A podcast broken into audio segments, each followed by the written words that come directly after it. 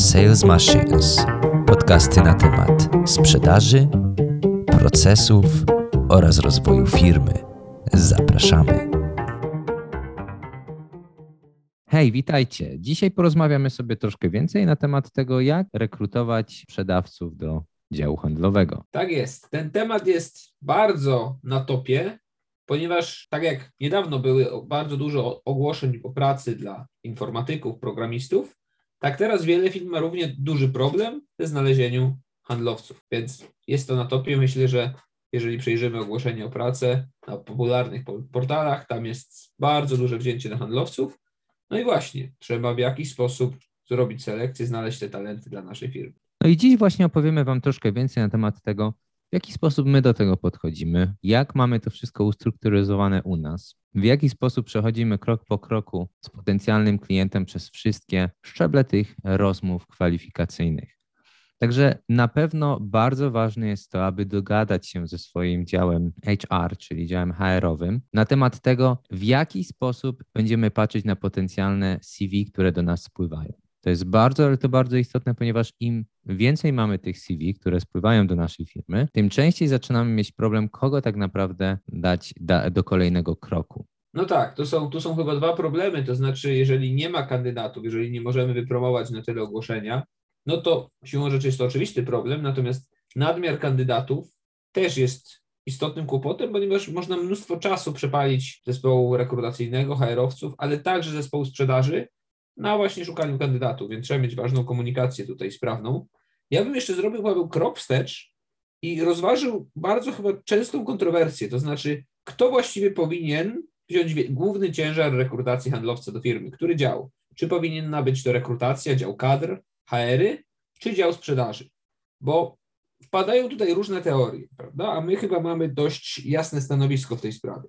Tak, no jeśli o nas chodzi, uważamy, że powinni to wziąć sejsi, czyli sprzedawcy na swoje barki, ponieważ jest to bardzo, to bardzo skomplikowany proces. Może nie jest on tak skomplikowany, jak wam się wydaje, ale mimo wszystko zawsze chcemy dokładnie wiedzieć, kogo zrekrutować i czy ta osoba odpowiednio pasuje się w kulturę zespołu oraz w to, w jaki sposób sprzedajemy.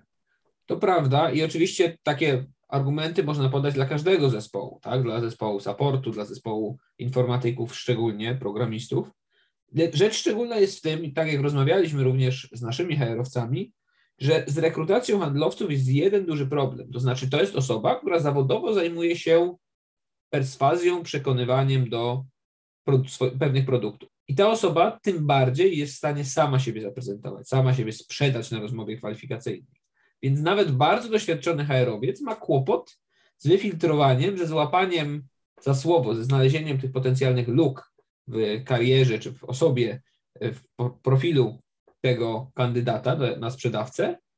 I dlatego bardzo ważny naszym zdaniem jest udział zespołu handlowego bezpośrednio jak najwcześniej, na jak najwcześniejszych etapach, żeby otrzeć, żeby z własnego doświadczenia znaleźć potencjalne błędy i znaleźć właśnie tego idealnego kandydata. Dokładnie. To, co Martin powiedział, jest bardzo, ale to bardzo istotne, ponieważ sam na przykład spotkałem się wielokrotnie z tym, że osoba, która była bardzo, ale to bardzo rekomendowana przez e, dział HR często okazywała się być totalnym dreamersem, oderwanym od rzeczywistości marzycielem, który tak naprawdę nie sprawdziłby się w sprzedaży w na przykład w strukturach, w których my pracujemy, gdyż jak wie, dobrze wiecie, sprzedaż zawsze jest różna dla różnych branży i w przypadku na przykład naszej branży ta sprzedaż musi być dynamiczna, musi być szybsza. Często jest tak, że jeżeli ktoś przychodzi i bardzo dużo opowiada, jak to snuje takie wizje, różnego rodzaju można powiedzieć fantazje. Opowieści, prawda? Opowieści, Taka sprzedaż dokładnie. narracyjna bardzo mocno tak, to Wtedy wiadomo, że ta osoba raczej się nie, nie, nie, no, no nie będzie w stanie przystosować do tego, w jaki sposób my działamy. Po prostu bardzo często handlowcy mają opinię, zresztą naszym zdaniem błędną, czasami, czy dobry handlowiec niekoniecznie musi być takim bajkopisarzem, natomiast na rozmowie kwalifikacyjnej jest potencjał, jest przestrzeń do właśnie opowiadania takich wielkich historii. I teraz handlowiec na tym procesie, kiedy uczestniczy w rekrutacji, może zadać konkretne pytania, sprawdzić, czy ta osoba wciska kit, czy rzeczywiście ma doświadczenie. Oraz czy to doświadczenie jest tożsame z tym, które będzie wymagane w naszej firmie, w naszym procesie sprzedażowym. Więc to jest chyba ta istotna, bardzo istotna kwestia. I dlatego zalecamy zaangażowanie zespołu sprzedażowego jak na najwcześniejszych etapach. Ja bym to może rozbił, Marcin, na takich pięć kroków, o których później troszkę więcej powiemy. Czyli pierwszym krokiem na pewno jest spotkanie z własnym działem HR-owym. Na tym spotkaniu warto określić, kogo szukamy, na kogo zwracać uwagę, czyli jeżeli szukamy juniorów, to niekoniecznie musi tam być jakieś bardzo mocne doświadczenie, tylko nie wiem, rok chociażby pracy w sprzedaży. Albo kogoś szukamy, kto był, nie wiem, kelnerem podczas studiowania, kto poznał pracę, tak, bo nie musi ta osoba być nawet związana ze sprzedażą stricte, ponieważ szukamy kogoś taki entry level, czyli wstępny, no kogoś po prostu bez doświadczenia. Tak, to jest, to jest w ogóle bardzo ważna rzecz, że na rynku pracy w Polsce, z mojej oceny, jak od paru lat bardzo mocno go śledzę, nie ma, bardzo, nie ma dużej liczby doświadczonych handlowców. Jest stosunkowo mało specjalistów. Dlatego nadzieją dla firm jest szukanie osób z innych branż, mających potencjał, mających chęć również znalezienia takiej lukratywnej pracy, pracy w sprzedaży, gdzie są bardzo dobre zarobki w IT, i szukanie tych talentów także spoza. Kelner jest świetnym przykładem, ponieważ to jest również praca emocjonalna, tak zwana, emotional labor, to jest również praca na wynik, praca z klientem, to jest praca sprzedażowa de facto, tylko inny produkt. Dokładnie, więc wtedy warto określić mniej więcej z własnym działem HR-owym, kogo szukamy, jakie są cechy ty, ty potencjalne tego handlowca, którego chcielibyśmy zatrudnić, czym on się powinien wyróżniać. W kolejnym kroku, czyli drugim kroku, byłaby już rozmowa tego naszego HR-owca, taka wstępna rozmowa z tym potencjalnym kandydatem, czyli po prostu dowiedzieć się, jakie są jego oczekiwania finansowe, czy te widełki, które podajemy, są w jego, w jego zasięgu, czy ta osoba spełnia pewnego rodzaju założenia, które chcielibyśmy, żeby spełniała i tak dalej, i tak dalej. Po tej rozmowie. No właśnie, czyli przepraszam, że przerwę, natomiast mhm. chyba chodzi o to, żeby te pierwsze CV były procesowane przez dział kadr, ponieważ on się na tym zajmuje najbardziej. On jest w stanie tak generalnie rozpoznać osobę, ma też dość największe doświadczenie w czytaniu CV, natomiast oni muszą być wprowadzeni w temat, muszą wiedzieć, czego dokładnie szukają. Czyli to jest ten pierwszy podstawowy etap, który jest na ich barkach, natomiast chyba im później będziemy szli wyżej w procesie, tym większy udział dział sprzedaży, prawda? Taka Dokładnie, jest nasza wizja. Kolejnym etapem właśnie byłaby już rozmowa z naszym działem handlowym, czyli przynajmniej dwóch handlowców, żeby się pojawiło na tej rozmowie, żeby porozmawiało. Oni też dwóch? powinni mieć jakiś skrypt. To jest dobre pytanie. Czemu, Czemu dwóch, prawda? Czemu nie jeden? Zawsze lepiej, żeby te dwie osoby były, ponieważ te dwie osoby mogą zdecydowanie łatwiej określić, czy, czy byłoby im po drodze podczas pracy z takim handlowcem. Czyli po prostu by się dogadywali, czy ta osoba by się wpasowała w kulturę naszego zespołu. To jest jedna rzecz, poza tym jest też kwestia jakiegoś takiego dobrego imienia firmy i opinii, ponieważ proces rekrutacyjny jest bardzo wrażliwym procesem, dla, szczególnie dla osoby, która aplikuje do firmy. Więc rzadko się to zdarza, natomiast mogą być również jakieś głośne mm, dyskusje w trakcie tej rozmowy, bądź po prostu konflikty, po prostu jakieś napięcie w trakcie takiej rozmowy. Zdarzają się takie procesy. I teraz, kiedy są dwie osoby z naszej firmy, jesteśmy w lepszym świetle. Gdyby później była jakaś zła opinia o procesie w naszej firmie, jakieś złe wrażenia, czy po prostu sytuacje potencjalne konfliktowe. Więc to jest też taka forma zabezpieczenia oraz szersza perspektywa. Tak. Kolejnym krokiem, czyli takim trzecim, jeżeli czwartym, przepraszam, jeżeli ta osoba przejdzie przez poprzednie trzy kroki, czyli poprzez weryfikację, poprzez rozmowę z HR-em, poprzez rozmowę z naszym działem handlowym, jest taka jakby już kluczowa dla nas rozmowa w naszym mniemaniu, czyli tak zwane role play, czyli odkrywanie scenek sprzedażowych. Te scenki dzieją się przeważnie z dyrektorem sprzedaży, z kierownikiem zespołu. I tutaj staramy się dowiedzieć, jak taka osoba pracuje, jak taka osoba sprzedaje, co sobą reprezentuje, jakie ma podejście. I to jest chyba kluczowy etap, który potrafi zadecydować o przyjęciu kandydata, ponieważ zwłaszcza na takim poziomie już specjalisty, czyli taki e, osoby już z pewnym doświadczeniem. Te, ci, te osoby bardzo dobrze potrafią wypaść na rozmowie z działem kadr. Te osoby potrafią również dobrze wypaść na takiej ogólnej rozmowie z członkami naszego zespołu na tym kolejnym etapie, e, idącym wedle skryptu. Natomiast kiedy dochodzimy do ostatniego spotkania, bardzo ważne jest to, żeby sprawdzić ich w praktyce, żeby zrobić jakieś zadania. I przy rekrutowaniu osób do technicznych zespołów, programistów, inżynierów, tam jest bardzo łatwo, ponieważ są testy do wypełnienia, są y, jakieś zadania do rozwiązania. Widzimy, jaki jest poziom tych praktycznych umiejętności, tych twardych umiejętności osoby, która do nas aplikuje. W sprzedaży nie mamy na tyle twardych umiejętności, choć oczywiście też się zdarzają, jak obsługa CRM-u, natomiast mamy umiejętności miękkie, które tak samo są umiejętnościami. I żeby je sprawdzić, naszym zdaniem najlepiej zrobić zadanie sprzedażowe, dać jakiś taki problem do rozwiązania, opisany wcześniej, niech kandydat się przygotuje, zostanie mu to ogłoszone wcześniej i zobaczymy, jak sobie z nim radzi. Jest to po prostu odgrywanie spotkania z klientem z naszej branży. Dokładnie. Jest to bardzo fajna praktyka, którą warto stosować. My ją już bardzo długo stosujemy i bardzo łatwo wtedy wyłapać handlowców, jeżeli mówimy o kimś, o specjaliście na przykład, który wpasuje się w działanie w naszym zespole. Bardzo lubimy dawać jakiś przykład, że ktoś ma 15 minut na taki discovery call, że CEO i, i na przykład dyrektor marketingu zgodzili się na te 15 minut, żeby mieć rozmowę z handlowcem z naszej firmy i wtedy po prostu ten handlowiec musi wybadać potrzeby tego klienta.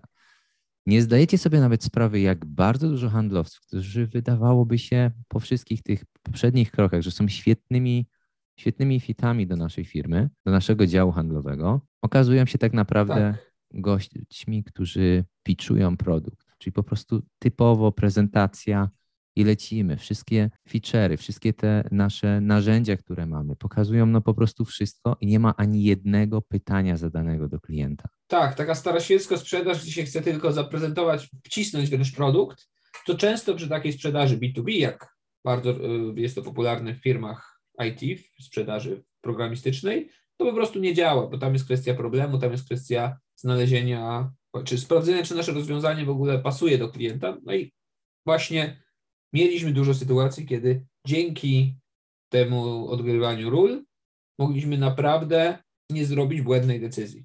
Ponieważ to jest warto, żeby wspomnieć, że o ile osoba, która aplikuje do firmy, ona oczywiście jest zestresowana i to jest dla niej ważna decyzja, to są dla niej duże pieniądze, być może przyszłość w najbliższej perspektywie, tak i jeszcze większa obawa bardzo często jest u osoby, która rekrutuje do firmy, ponieważ koszt bezwzględny, jeżeli chodzi o pieniądze, ale również o czas zainwestowany przy błędnej decyzji jest dużo większy. I czasami, żeby przy, już przy zatrudnieniu kogoś, przeszkolenie trwa kilka miesięcy, później sprawdzenie, czy ta osoba się nadaje, czy ta osoba już po przeszkoleniu potrafi działać, to też jest kilka miesięcy, więc czasami osoba, którą błędnie zarekrutujemy, pozostanie z nami przez 5-6 miesięcy. Zdecydowanie, jeśli jeszcze też szukamy jakiegoś specjalisty, to tym specjalistom trzeba zapłacić, tak? Jeżeli ci specjaliści dostają troszkę większe pieniądze, to dla firmy to też jest duży koszt. I to, co Marcin powiedział, czyli zarówno koszt ludzki, czyli nasz, ile czasu zainwestujemy, nasze szkolenia i tym podobne, jak również koszt firmy, czyli ile firma musi zapłacić, a to wszystko musi się niestety i albo stety zgrywać ze sobą. No dobra, i to jest taki ogólny proces. Potem jest pewnie ten ostatni etap, taki najistniejszy, można by powiedzieć, ale również taki techniczny, czyli dogranie szczegółów umowy, dogranie szczegółów kontraktu i takich już technikaliów, choć bardzo istotnych. Natomiast prawda jest taka, że po przejściu tego czwartego etapu, tego odgrywania ról, to najczęściej większość y, osób, większość procesów kończy się w sposób techniczny, to znaczy ten ostatni, ten ostatni moment dogrywania finansów jest już raczej sprawą taką mało konfliktową. Tak, tak w praktyce to Dokładnie. wygląda. E, I teraz chyba to tak z grubsza o procesie. Tu jest też warto wspomnieć, że kiedyś rozpoczynaliśmy ten ostatni etap, czyli to odgrywanie ról, od najpierw od takiej, takiej miękkiej rozmowy, poznawania kandydata, sprawdzania jego doświadczenia, również odpowiedzi na jego pytania i wątpliwości, no bo warto wspomnieć, że dobra rozmowa kwalifikacyjna musi być spotkaniem dla dwóch stron. To znaczy, tak samo my chcemy się przekonać, czy chcemy współpracować z tą osobą, jak i ta osoba musi się przekonać, czy chce z nami działać. Bo jeżeli nie, jeżeli nie damy jej tej przestrzeni, to może być tak, że trafimy na fajnego kandydata, ale z jakichś, z jakichś przyczyn będzie to inna praca niż on się tego spodziewał i po miesiącu, dwóch on zrezygnuje. Ponieważ no, dobry specjalista też ma inne oferty i możliwości. Więc to jest też ta przestrzeń. Natomiast zaczynaliśmy właśnie od tego i później robiliśmy roleplay, zmieniliśmy jednak podejście, ponieważ ten etap odgrywania ról jest kluczowy. Jeżeli osoba nie nadaje się na tym etapie, to być może nie ma co ciągnąć za długo też tego pozostałego, no bo jeżeli już wiemy, że nie chcemy z nim współpracować, no to nie ma co, prawda? Zdecydowanie. Marcin, tak swoją drogą, ostatnio e, pod naszym, jednym z naszych odcinków Dostaliśmy pytanie, przechodząc z big picture do praktyki, na co waszym zdaniem zwracać największą uwagę przy rekrutacji nowych ludzi do szkółki sprzedażowej? Rekrutując juniora, jakie dwie, trzy rzeczy są priorytetem w znajdywaniu, znajdowaniu, przepraszam, przyszłej gwiazdy sales teamu, a co jest czerwoną flagą? To jest bardzo ciekawe podejście, bo jak już mówiłem wcześniej, na rynku pracy, sprzedaży w IT jest mało specjalistów, więc rozwiązaniem dobrym jest szukaniem osób bez doświadczenia, szukaniem tej osób na tych entry positions. I no właśnie, tutaj nie możemy, jak mamy, nie możemy zrobić mu takiego pełnego zadania sprzedażowego, no bo ta osoba praktycznie nigdy tego nie robiła. Oczywiście mogą być talenty takie surowe, natomiast jest druga rzecz, że jeżeli ta osoba nie ma doświadczenia, to dużo łatwiej ją nauczyć naszego procesu. Przy już doświadczonych specjalistach wyrugować ich nabyty sposób sprzedaży, czyli na przykład jeżeli pitchują, wciskają produkt, będzie nam dużo ciężej. Więc tutaj już to ryzyko, to ten, ten rol to jest dużo ważniejszy. Jednak jeśli mówimy o takiej szkółce sprzedażowej, często jeżeli szukamy młodych ludzi lub ludzi, którzy chcą się przebranżowić, to warto też zwrócić uwagę na ich attitude, czyli tak zwane podejście do tego, w jaki sposób z nami rozmawiają, do tego, co w swoim życiu robili. Bo jeżeli przychodzi młody człowiek, niech to będzie studentka, która ma 22 lata i w życiu nie pracowała, to też wiemy od razu, że okej, okay, ta osoba szuka pracy, ale nigdy nie była ani na przykład tym kelnerem, ani nie pomagała nigdzie w żadnej firmie, ani nie była na żadnych praktykach porządnych. Ale trzeba też zwrócić uwagę na to, żeby ta osoba coś sobą reprezentowała, czyli szukała w przeszłości czegoś, co spowoduje, że będzie mogła się rozwijać. I ma takie jakby podejście do pieniądza, czyli rozumie, że żeby zdobyć pieniądz, trzeba na niego zapracować, a on nie przyjdzie, nie spadnie z nieba. To są takie małe niuanse czasami, które osoba aplikująca do poważnej firmy nawet by ich nie wspomniała na rozmowie kwalifikacyjnej, bo wydają się jej głupotami, ale dla nas są kluczowe, takie małe drobnostki, które jeżeli usłyszymy je, to je rozwijamy. Przykładowo jedna kandydatka e, swego czasu, jak ją pociągnęliśmy za język, opowiadała o tym, jak przez kilka lat w wakacje kupowała okulary słoneczne gdzieś tam chyba na Allegro czy z zagranicy i sprzedawała je na sportowych wydarzeniach u siebie w kraju. Zarabiając na tym, gdzieś mogliśmy usłyszeć opowieść o naprawdę ciężkiej pracy i pomysłowej, czysto sprzedażowej. Coś, co no zupełnie, prawda, nie wydawałoby się, że można zawrzeć to w CV. W CV by to źle wyglądało, ale tak naprawdę jest to kluczem. Oczywiście nie mówimy, że osoba bez żadnego doświadczenia, bez staży, bez pracy wcześniejszej na studiach nie nada się do firmy. To może być też genialny pracownik. Natomiast dla nas ryzyko zatrudnienia takiej osoby jest dużo większe. No, jak już wspomnieliśmy, ryzyko pracodawcy przy rekrutacji jest nawet być może większe niż ryzyko osoby, która aplikuje. I Dodatkowo też trzeba zwrócić uwagę, Marcin, tak mi się wydaje, przynajmniej tak zawsze robimy, na to podejście, to co powiedziałem, czyli w jaki sposób ta osoba z nami rozmawia. Czy ona się dużo uśmiecha, czy już wiemy, że ta osoba jest taka jakby odpowiednio nastawiona do ciężkiej pracy. No bo nie oszukujmy się, sprzedaż to jest bardzo ciężki kawałek chleba. Tak, to jest chyba też taka rzecz, żeby sprawdzić właśnie takimi pytaniami, oczekiwaniami. Oczywiście unikajmy pytań, gdzie osoba widzi siebie za 5 lat, ponieważ one są dość y, puste i chyba też troszkę za dużo ich się pojawia na rynku pracy podczas rozmów kwalifikacyjnych. Natomiast najważniejsze jest, żeby jakimiś półsłówkami spróbować wyszukać, czy ta osoba naprawdę spodziewa się takiej pracy powtarzalnej, wykonywania licznych telefonów, takiej ciężkiej, czasami niesatysfakcjonującej, trudnej pracy, zamiast oczekiwać od razu jakichś odpowiedzialnych pozycji, zarządzania wielkich rzeczy. Też to się może zdarzyć, że osoba e, szukająca pierwszej pracy ma zawyżone oczekiwania, więc warto nawet opowiedzieć o tej roli, warto nawet spróbować nieco zniechęcić do pewnego powtarzalnego aspektu pracy, zobaczyć, czy ten kandydat, który szuka swojego, no, swojej nowej roli zawodowej, czy on będzie chciał się czegoś takiego podjąć. Dodatkowo bardzo fajnie sprawdzić, jeżeli ktoś na przykład zaczyna proces sprzedaży albo chce się przebranżowić, czy robić coś już w tym kierunku, czyli czy śledzi jakiś może mentorów, jakiś guru ma własnych, których, którymi chciałby się z nami podzielić i, i po prostu zapytać wprost, czy czyta jakieś książki, artykuły, na ten temat. To jest bardzo fajne pytanie, które też pomoże nam zrozumieć troszkę więcej to, czy ten potencjalny nasz nowy pracownik, nasz nowy sprzedawca jest już w tym świecie, czyli już się edukuje sam z tego, jak może być lepszym doradcą, jak może być lepszym ekspertem i jak może lepiej sprzedawać. Tak, to jest takie bardzo cenne, bo nawet jeżeli często się nam zdarza, że osoba po drugiej stronie nie poda nam konkretnej książki czy konkretnego jakiegoś eksperta sprzedażowego, to nie, nie jest jeszcze ten poziom. Wspomni się o jakichś takich filmikach na YouTubie, no to zapytajmy, niech nam opowie o tym filmiku, o tym, czego się tam dowiedziała. Zobaczmy, czy to jest coś konkretnego, czy po prostu ściema. Bo jeżeli jest to coś konkretnego, no to pokazuje nam, że naprawdę ta osoba ma, wkłada energię. Mam, ja, energię, ja, ja powiem Ci. Marcin, tak szczerze, że nawet jak teraz staram sobie przypomnieć kilka takich rozmów kwalifikacyjnych, to nawet jak szukaliśmy na juniorów czy na takie entry pozycje, to pamiętam, że kilku kandydatów odpowiedziało, że słucha tam, dajmy na to, Wiktora Antonio. I później rzeczywiście ci, te osoby, które przyjęliśmy, to one naprawdę się sprawdziły. Te osoby naprawdę fajnie się rozwijały. Tak, no to są to takie jest, drobne rzeczy. Jest prawda? pewnego rodzaju taka zależność, tak jak sobie próbuję teraz przypomnieć to wszystko, że rzeczywiście, jeżeli ktoś już zaczyna coś robić w tym kierunku, czyta tą, czyta te książki, te artykuły, słucha tych ludzi, to rzeczywiście później on jest w stanie coś wykrzesić z siebie na, na takiej rozmowie kwalifikacyjnej.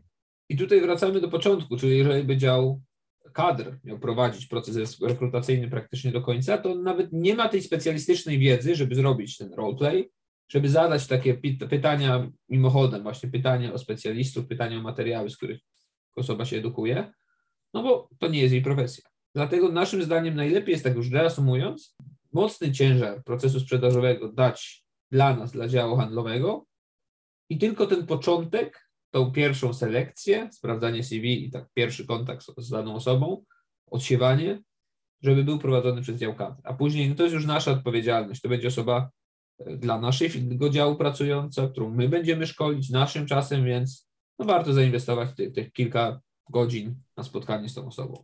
Mam nadzieję, że podobał Wam się ten odcinek. Jeżeli mielibyście jakieś pytania albo może coś Was zastanawia, w jaki sposób prowadzić tą rozmowę, może chcecie dowiedzieć się, jakiego rodzaju pytania mamy albo skrypty na te rozmowy, dajcie znać, z miłą chęcią się podzielimy, odpowiemy na Wasze pytania i postaramy się mimo wszystko pomóc. Dzięki wielkie i do usłyszenia niebawem. Cześć, hej.